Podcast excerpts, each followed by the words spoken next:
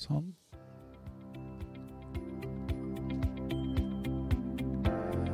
Rønnaug og Bjarne snakker om kjønn. Hei, Bjarne. Hei, Rønnaug.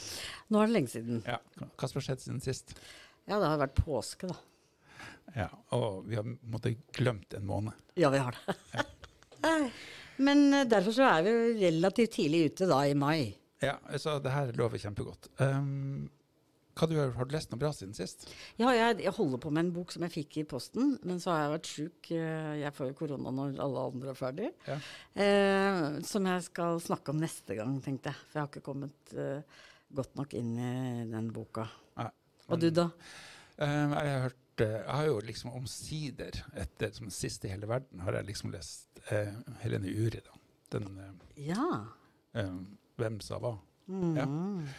Eh, siste i verden. Ja, men jeg har lest en annen bok også som jeg skal snakke om på slutten i dag. ja. Flott.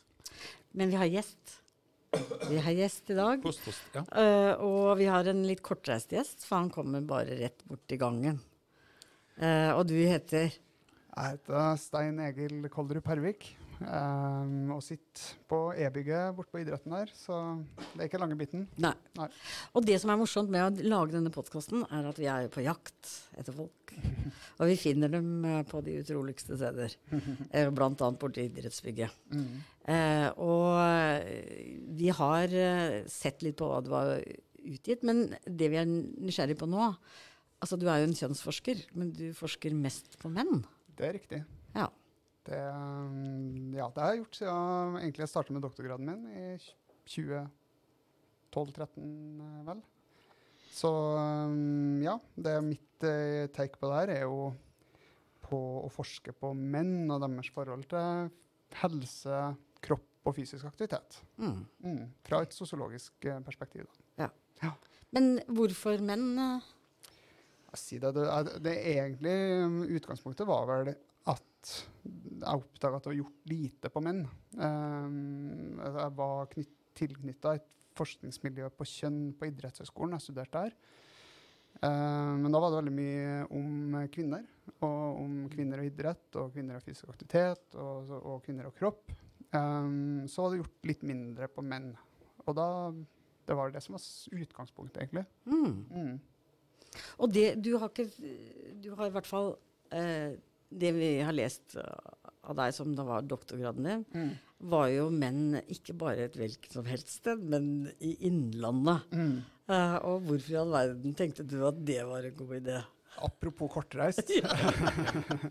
det var litt at jeg Eller veldig mye, da. Grunnen i at jeg jobba på Høgskolen Innlandet på den tida. Eh, så jeg starta der i 2006 eh, og jobba der som lektor i en del år før jeg begynte på doktorgrad.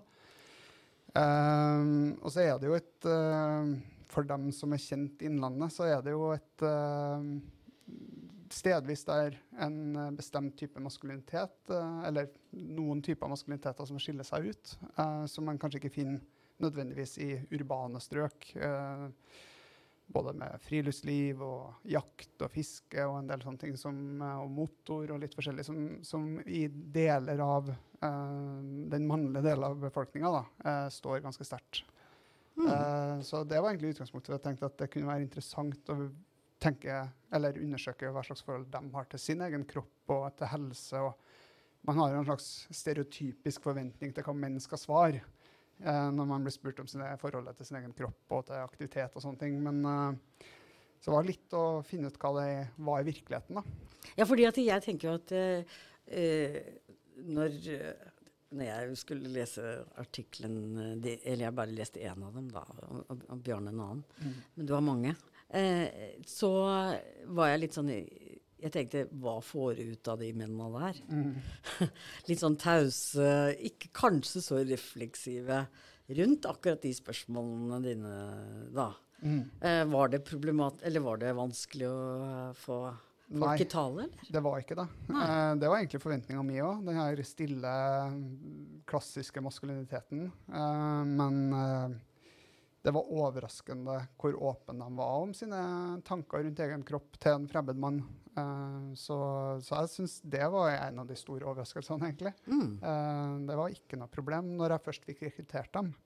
For det var litt vanskelig rekrutteringsprosess, men, men det å få dem i tale når de først var i gang, det var ikke vanskelig. Ja, fordi det du prøver på også uh, i det utvalget ditt, er at du prøver å finne litt forskjellige menn. Mm. Men uh, du, Og du har gjort god jobb i forhold til det. Mm. Men uh, så er vel funnet ditt at de er ikke så forskjellige som du trodde? Nei, det, det er riktig. Særlig på en del av de aspektene som vi undersøkte, så var det veldig like uttrykk til tross for ulik bakgrunn. Mm. og det var jo et stort poeng her, som det er mye kvalitativ forskning, å finne et, en bredde i befolkninga både med høy og lav utdannelse og høy og lav alder, og, og innenfor det voksenspekteret, og, og, ulike etnisiteter. Men allikevel så kom det jo fram en del ganske mye delte meninger knytta til det her fenomenet som vi undersøkte. Mm. Mm. Fordi du bruker jo begrepet til min uh, husgud, eh, Bourdieu, ja. eh, og, og, habitus. Og mm. da, du prøver å finne folk med ulike bakgrunner. Mm. Men allikevel så bruker du Connell ja. for å forklare noe av funnene dine. Mm. Kan du si litt om det? Ja, det skal jeg prøve. uh, nei, så det vi Når jeg sier vi, så har jeg jo hatt med meg uh, medforfattere på noe av det her òg. Eh, men det vi, vi, diskuterte jo mye det her rundt hva er det som da kan være utgangspunktet, eller hva er det som gjør at ulike menn har delte meninger om noe som er såpass eh, allment, men personlig, da, mm. som eh, forståelse av helse og oppfatning av kropp, og, og, hva som er viktig med tanke på kropp. Um, og da Bourdieu ville jo på, på, en måte så er jo eh, bakgrunnen det som former eh, mm. preferanser og smak, og, og, og den kroppsliggjorte eh, kapitalformene som, blir, som, som, utgjør habitus. da. Eh, så, så, sånn sett så skulle man jo forvente at man hadde veldig ulike uttrykk. Uh, men så sa jo, eller sa uh, Bourdieu at, at felles kontekst eller felles miljø preger også habitus og blir kroppsliggjort. og når de her folka da har boks, eller bor i, i et felles miljø, så, både nasjonalt og regionalt og lokalt, uh, så, så, kan man tenke at det også er med på å forme habitus, mm. eh, som da blir et, uh, på en måte et delt uttrykk. Da. Ja. Um, man sosialiseres hele livet, ikke sant? Mm. er poenget. Ja. ja. Og grunnen til at vi blanda Connell inn i det her, er jo fordi Bourdieu har jo blitt kritisert som kjønnsteoretiker. Eh, fordi mange tenker jo på på det som uh, han, han, var jo hovedsakelig uh, opptatt av uh, forholdet mellom kvinner og menn og den maskuline dominan dominansen over kvinner. mens Connell tilbyr jo et teoretisk rammeverk som, som, blir mer anvendt til å se på maktforskjeller mellom menn. og så har jo da bl.a. Connell kritisert Bourdieu for, for, for, sin overforenklahet av kjønnsdimensjonen. Mm. Så, så, det er jo et uh, dristig, dristig, valg, for så vidt. Uh, men vi tillot oss da å akseptere eksistensen av noe som vi kalte en maskulin kapital. Mm. Uh, for å nærme oss en måte å kombinere det her på. og diskutere da at hvis man aksepterer en maskulin kapital, så kan det være en del av spillet i de sosiale felta som som er med å posisjonere ulike former for maskulinitet i et slags tenkt mak makthierarki mellom, mm. uh, mellom, menn i en bestemt sosial kontekst, da, som f.eks. Innlandet, Hedmark. Mm. Ja. Så, så, det var et forsøk på å klamre seg til bruk av uh, Bourdieu, men også gi en, uh, gi en nyansering da, som gjør at det blir lettere å anvende han uh, knytta til å forstå et, et makthierarki mellom menn. Mm. Mm. Så denne mannen, som, eller disse mennene som ja. du fant på Innlandet, hva er det som er, Jeg syns jo det er interessant det at, hva slags forhold de har til kroppen sin. da. Mm. Og at de har snakka med deg om det. Mm. Eh, hva er det som kjennetegner denne innlandsmannen? Innlandskroppen. Ja, innlandskroppen. ja. For det er jo liksom sånn der du, eh, Med fordommer og stereotypier bak, så tenker du liksom at det er litt sånn derre bonde...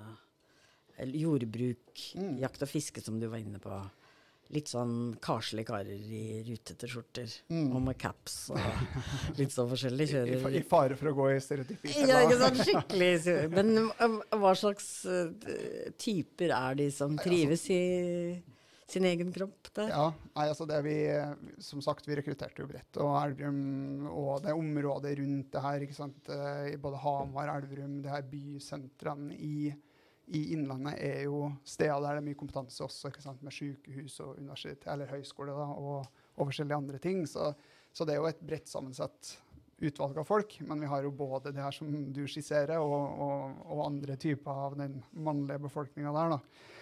Um, men um, det som jeg syns var veldig interessant akkurat når det gjaldt kropp, uh, så er det jo det her med at man faktisk, eh, i tillegg til det her mer generelle, kanskje universelle holdningene til kroppen sin, at uh, det er viktig at kroppen fungerer, ikke sant? Uh, og at kroppen er fri for smerte og vondt og sykdom og skader og sånne ting, så kommer det jo fram at de også er opptatt av kroppens utseende.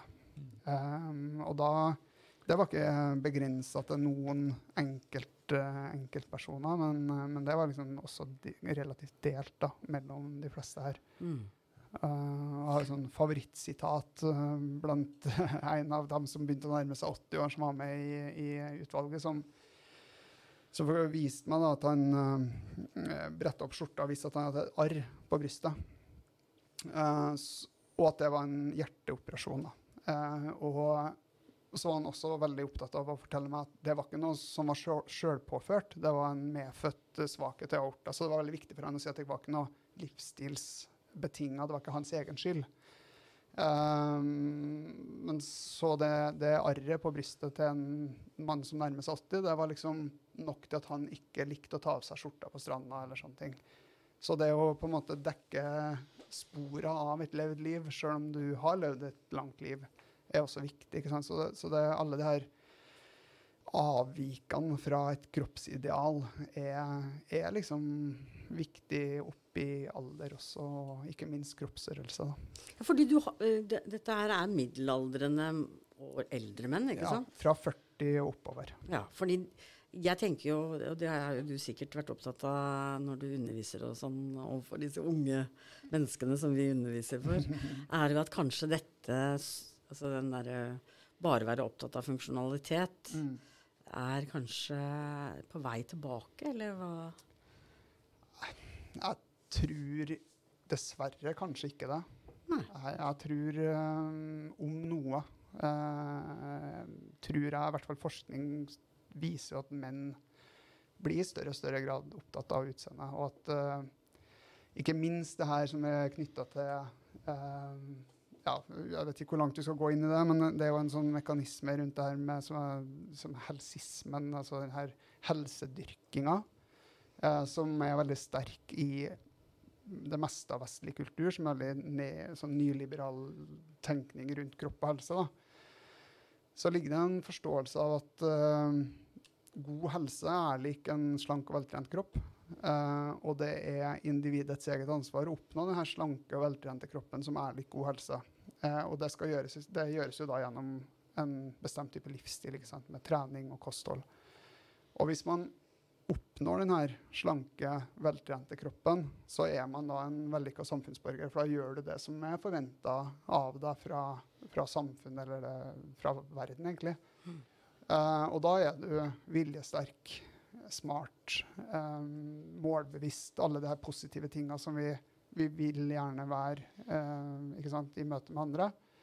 Men de som vi ikke klarer, eller ikke ønsker, å oppnå den her veltrente, slanke kroppen, ikke bare da har du per definisjon dårlig helse, men du uh, gjør ikke det som er forventa av deg. Du klarer ikke og vil ikke holde den her livsstilen som vi forventer av deg.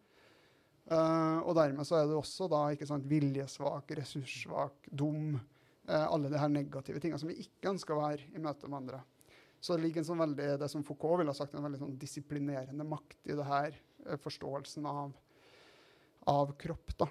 Så i tillegg til å bare se liksom, Vi ønsker om å se attraktiv ut for andre og seg sjøl, så er det også det her moralske eh, Perspektiv. da, ja. Og det, det, er jo også interessant det med i forhold til at vi er så opptatt av mangfold, altså at uh, folk med ulike funksjonshemninger og sykdommer osv. Mm. Vi ønsker en sånn større aspekt, eller aksept for forskjellighet. da. Mm. Også det du beskriver nå, er jo en veldig sånn ensrettethet, ja. som er nesten det motsatte. Ja, ja uh, det er egentlig det. Og, og, så er det jo i det møtet da, med det vi starta å snakke om, det her med den her stereotypiske maskuliniteten. Eh, hva skjer i møtet mellom en forventning om at du må bry deg mye om din egen kropps utseende for å være et, et, et, en god samfunnsborger da, som gjør det du skal. eh, og i møte mellom det, og i møte mellom at en mann skal jo ikke være jålete. Nei, det feminine med det. Ikke sant? Du skal jo ikke bry deg om din kropps utseende, for det, du skal spise kjøtt, og du skal liksom uh, gjøre de, de maskuline tinga. Uh, og i møtet der så er det jo andre og, og meg òg som finner at det er en slags dikotomi der. En todeling mellom at på den ene sida så må du bry deg. Uh, så en should care, don't care. Uh, du bør bry deg, men du skal ikke bry deg. Og der er det jo en spagat ikke sant, som da mennene finner seg i. Og det, det, skjer ofte i sånn Eller det vi fant i, i, data her, var jo at det var uproblematisk for menn å snakke om kroppen sin utseende, eller kropp, nei, uh, unnskyld, kroppen sin funksjonalitet, eller kroppen sin fysiske helse og sånne ting. Det var, det var veldig uproblematisk å snakke om. Men når de da skal begynne å uttrykke sin holdning knytta til sin egen kropps utseende, da stokka det seg for en del av dem. Mm. Og brukte utrolig mange ord ikke sant? og avbrøt seg sjøl og tulla og flira og var veldig usikker, sånn som jeg analyserte frem. da. Mm. Um, og gjerne brukt på en måte en, en A4-side med transkribert uh, skrift for å si at egentlig er jeg fornøyd med kroppen min. Ja. Uh, men da har du stotra deg gjennom veldig mange omveier for å komme dit. da.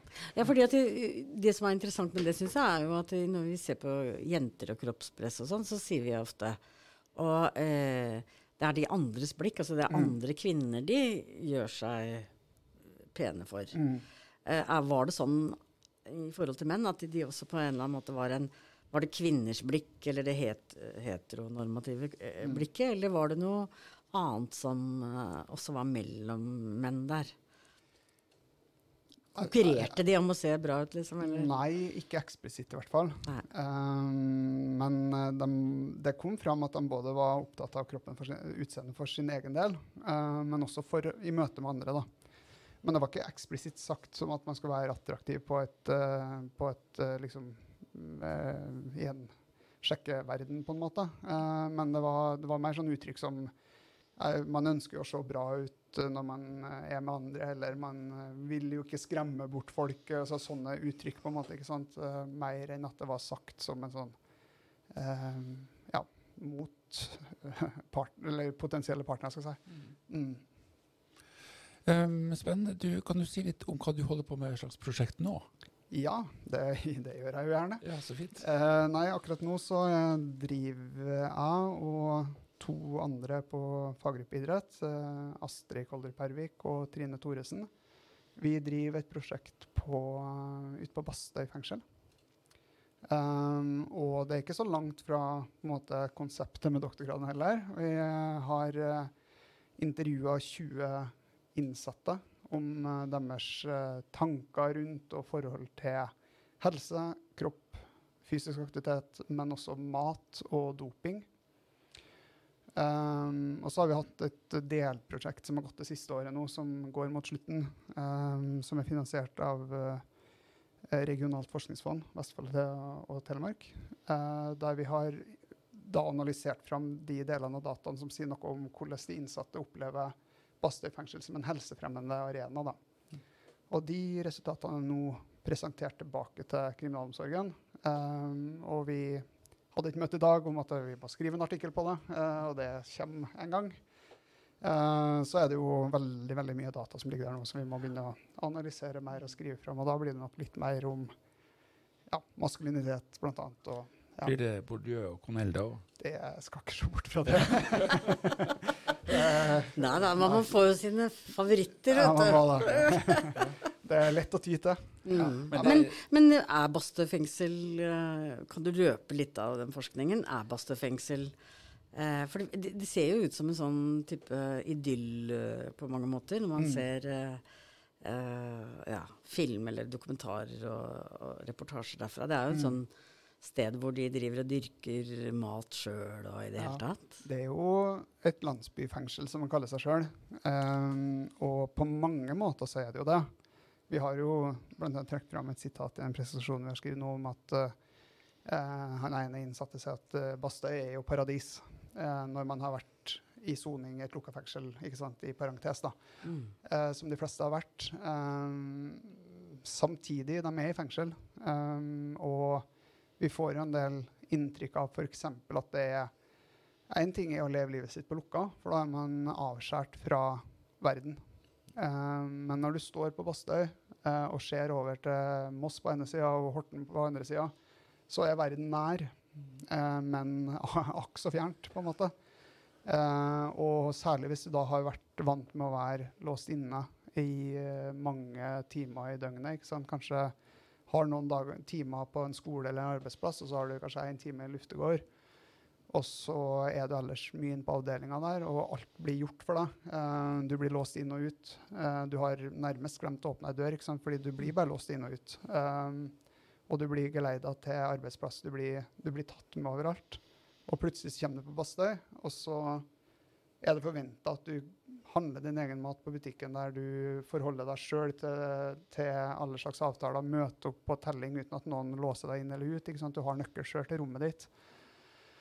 Eh, så det sjokket er ganske stort for noen. Det- frihetssjokket som det har blitt omtalt om som før. At du, når du kommer til Basse, så En av de innsatte brukte jo begrepet at Baste er som et stupebrett tilbake til samfunnet. Eh, og vi diskuterer jo da i den, det vi jobber med nå, at eh, eh, det er en diskusjon som må tas hvor stort det stupebrettet skal, eller hvor høyt det stupebrettet skal være. Er det tenkt at det stupebrettet når du kommer fra Lukka på Ringerike eller Halden eller hvor som helst, at du skal ha et veldig høyt stup, eh, så må på en måte de innsatte forberedes på det. Fordi hvis, hvis du kommer dit, og så blir det forventa at du skal eh, løse det her sjøl, så blir kanskje frihetssjokket ganske stort hvis du ikke da på en måte forbereder de innsatte på hva som forventes. Mm. Eh, mens, eh, og det gjelder jo særlig de innsatte som har lite ressurser. Eh, fordi eh, noen har jo levd liv som har gjort dem kanskje ikke vant til å ta ansvar for så mange deler av sitt eget liv. ikke sant? Og så plutselig så finner du en setting der du Må lage maten sjøl. Ikke sant? Og det er det mange som ikke har gjort. Nei, ja, ikke sant. Så Mm. det, det syns jeg var interessant med at dere tar med dere matlaging inn. eh, Ja, Jeg som er husmorskolen i bånn, ja som jeg pleier å si. Er jo at matlaging også er jo en ganske viktig ferdighet, Ja. da. Og det, det er en av de tingene vi ser på nå. fordi vi var Rett før vi kom så, og vi fikk tatt intervjuer der, så ble kantina på Bastøy stengt for oppussing. Eh, og det ble jo skrevet om i lokalpressa her òg. Og, og så ble det en eh, periode der de fikk litt sånn ferdig mat, sånn type Fjordland-aktig. Mm. Og så ville de, ble det en del reaksjoner på det, og så fikk de da økt eh, peng, liksom, matpenger og mulighet for å lage mat på huset, altså hu sjølhusholdning. Eh, og det går de ikke tilbake fra.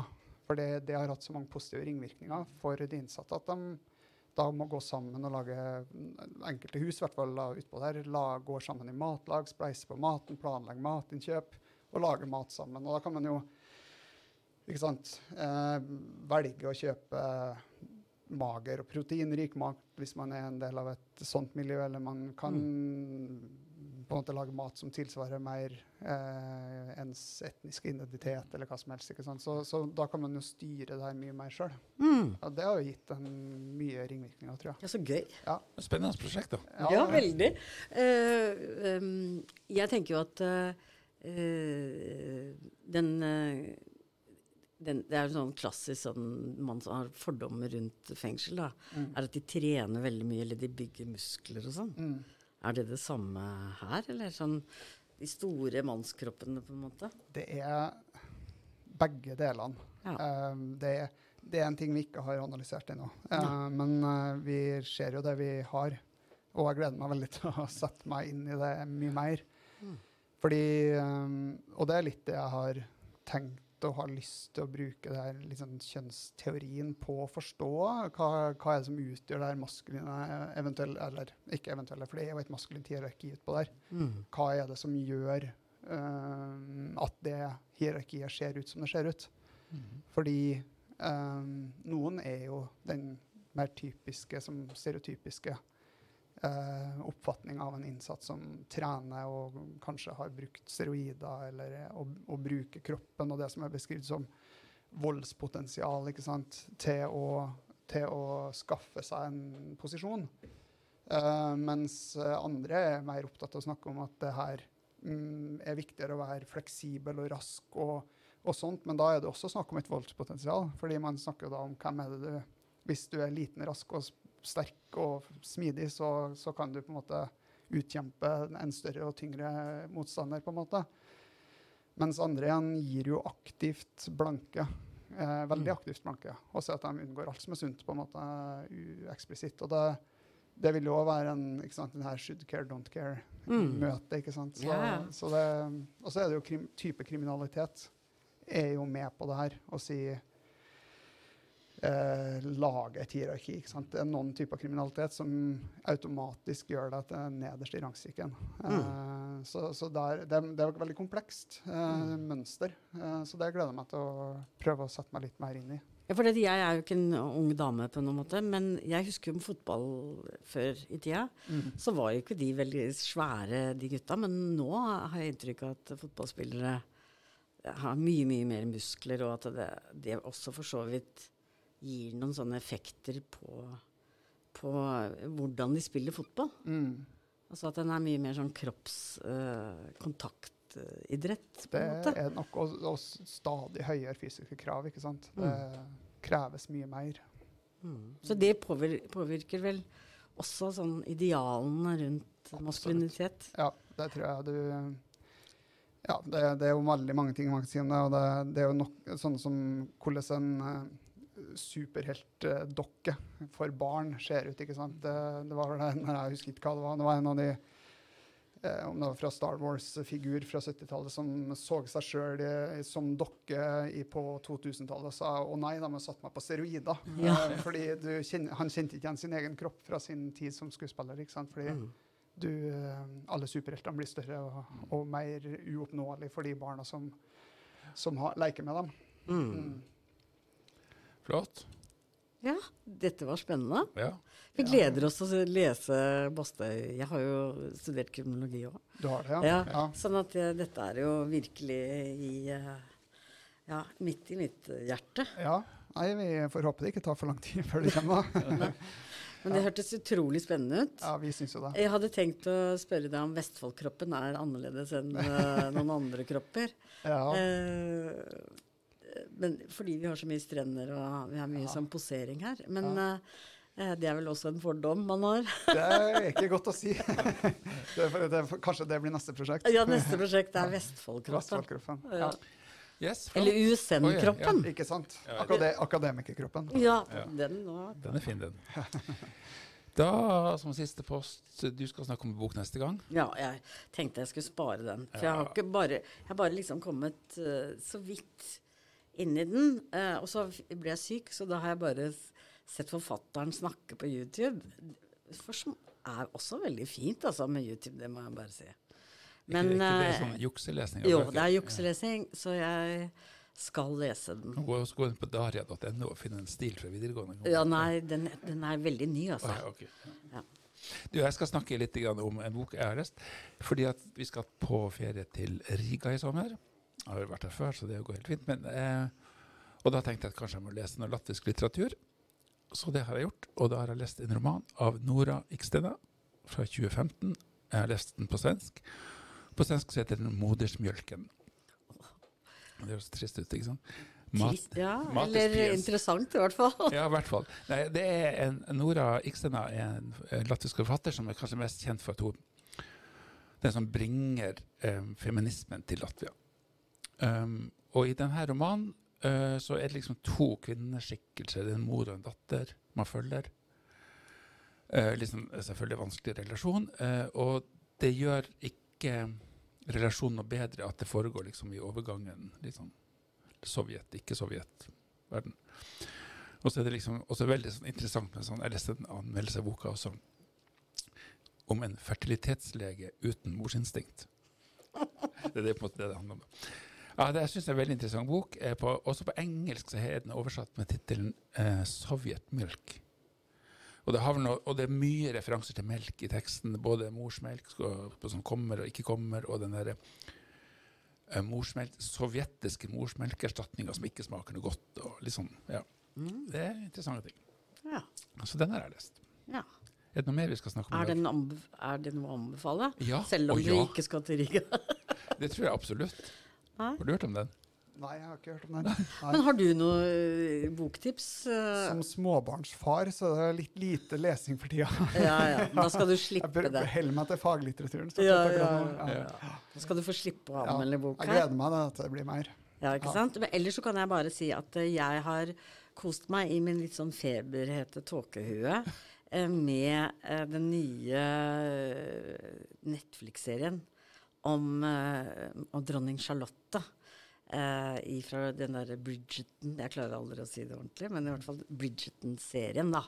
Og den er bare helt aldeles fantastisk når det gjelder eh, kles... eh, altså eh, De må ha enormt eh, kostymebudsjett. Også så mye flotte parykker, og de skifter parykker hele tiden. Og dette her er en tid hvor menn gikk i høye hæler, altså, eller relativt høye hæler, og fikk også bruke farger og broderte ting. Og Men du, men du fikk med deg ikke det kostymeshowet i helga fra England? Eh, ja. Ja. Det var voldsomme greier. Ja, ja, ja. I et kjønnsperspektiv har jeg ikke tenkt å ta den, men det, det er vel vi, Men det er mange som vi går, De går jo fra en dronning til en konge. Ja. Og det er jo på en eller annen måte en sånn eh, kjønnsdimensjon i det, som blir interessant å se. Han prøver jo også å utforme en form for maskulinitet Mm. som har vært litt sånn moderne, eh, har jeg inntrykk av. Uh, men han er heldigvis ikke så Han er ganske gammel, da, så han slipper den derre eh, Som du sier, med å liksom eh, Utseendefokus, kanskje. Kanskje. Men eh, det er i hvert fall mye pomp og prakt. og Det, det er mye på utseendet der uansett. Ja. Ja, Med uansett. Kappe og krone og Ja, sekter og Voldsomme eh, greier. Og noen slags grillhansker. Altså, ja, ja. med gull. Ja. Og han ble til og med salvet. Det syns jeg, apropos sånn kropp, er jo at inn i den seremonien så måtte han faktisk kle av seg. ja. Og han ble salvet med en spesiell olje eh, bak et sånt skjermbrett. Man skulle se godt. Så, ja. Ja, man skulle ikke se kroppen til kongen. Nei. Fordi han var jo for så vidt man skal jo, De er jo guddommelige på mange måter. De er jo ikke kropper, egentlig. Men hans kropp ble salvet. Eh, og så tatt på to forskjellige skjorter, og så masse kapper og grillhanske. Ja. Og masse sånne Men jeg, måtte bare, en liten kostymedetalj her var jo at det var snakk om at ja, de to skjortene, den hvite og den lilla, var laga av britisk silke. Og da tenkte jeg Men er det britiske silkeormer? Kanskje de har et eget uh, Ja. britisk ormebol. Bol. det heter vel larver, egentlig. Ja, det tror jeg. Ja, Ja, veldig bra. Da tror jeg vi er ferdig for i dag. ja og eh, dere må bare holde Ikke holde pusten. Men vi har lovet at det skal skje noe i juni. Eh, vi får se om det blir live eller ikke. Vi har, eller om vi utsetter det til august. Det er mulig Ja. vi gjør det, altså. Men det blir, vi skal ikke glemme juni Nei. før vi går i ferie. For nei. det er for så vidt års. Da har vi holdt på et år. Eh, og det er vi jo veldig stolte av. Da blir det kake.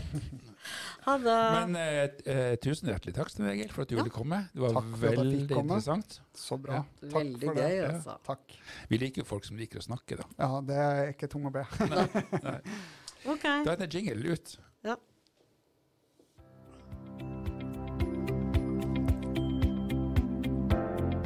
Rønnaug, Bjarne og Stein Egil snakka om kjønn.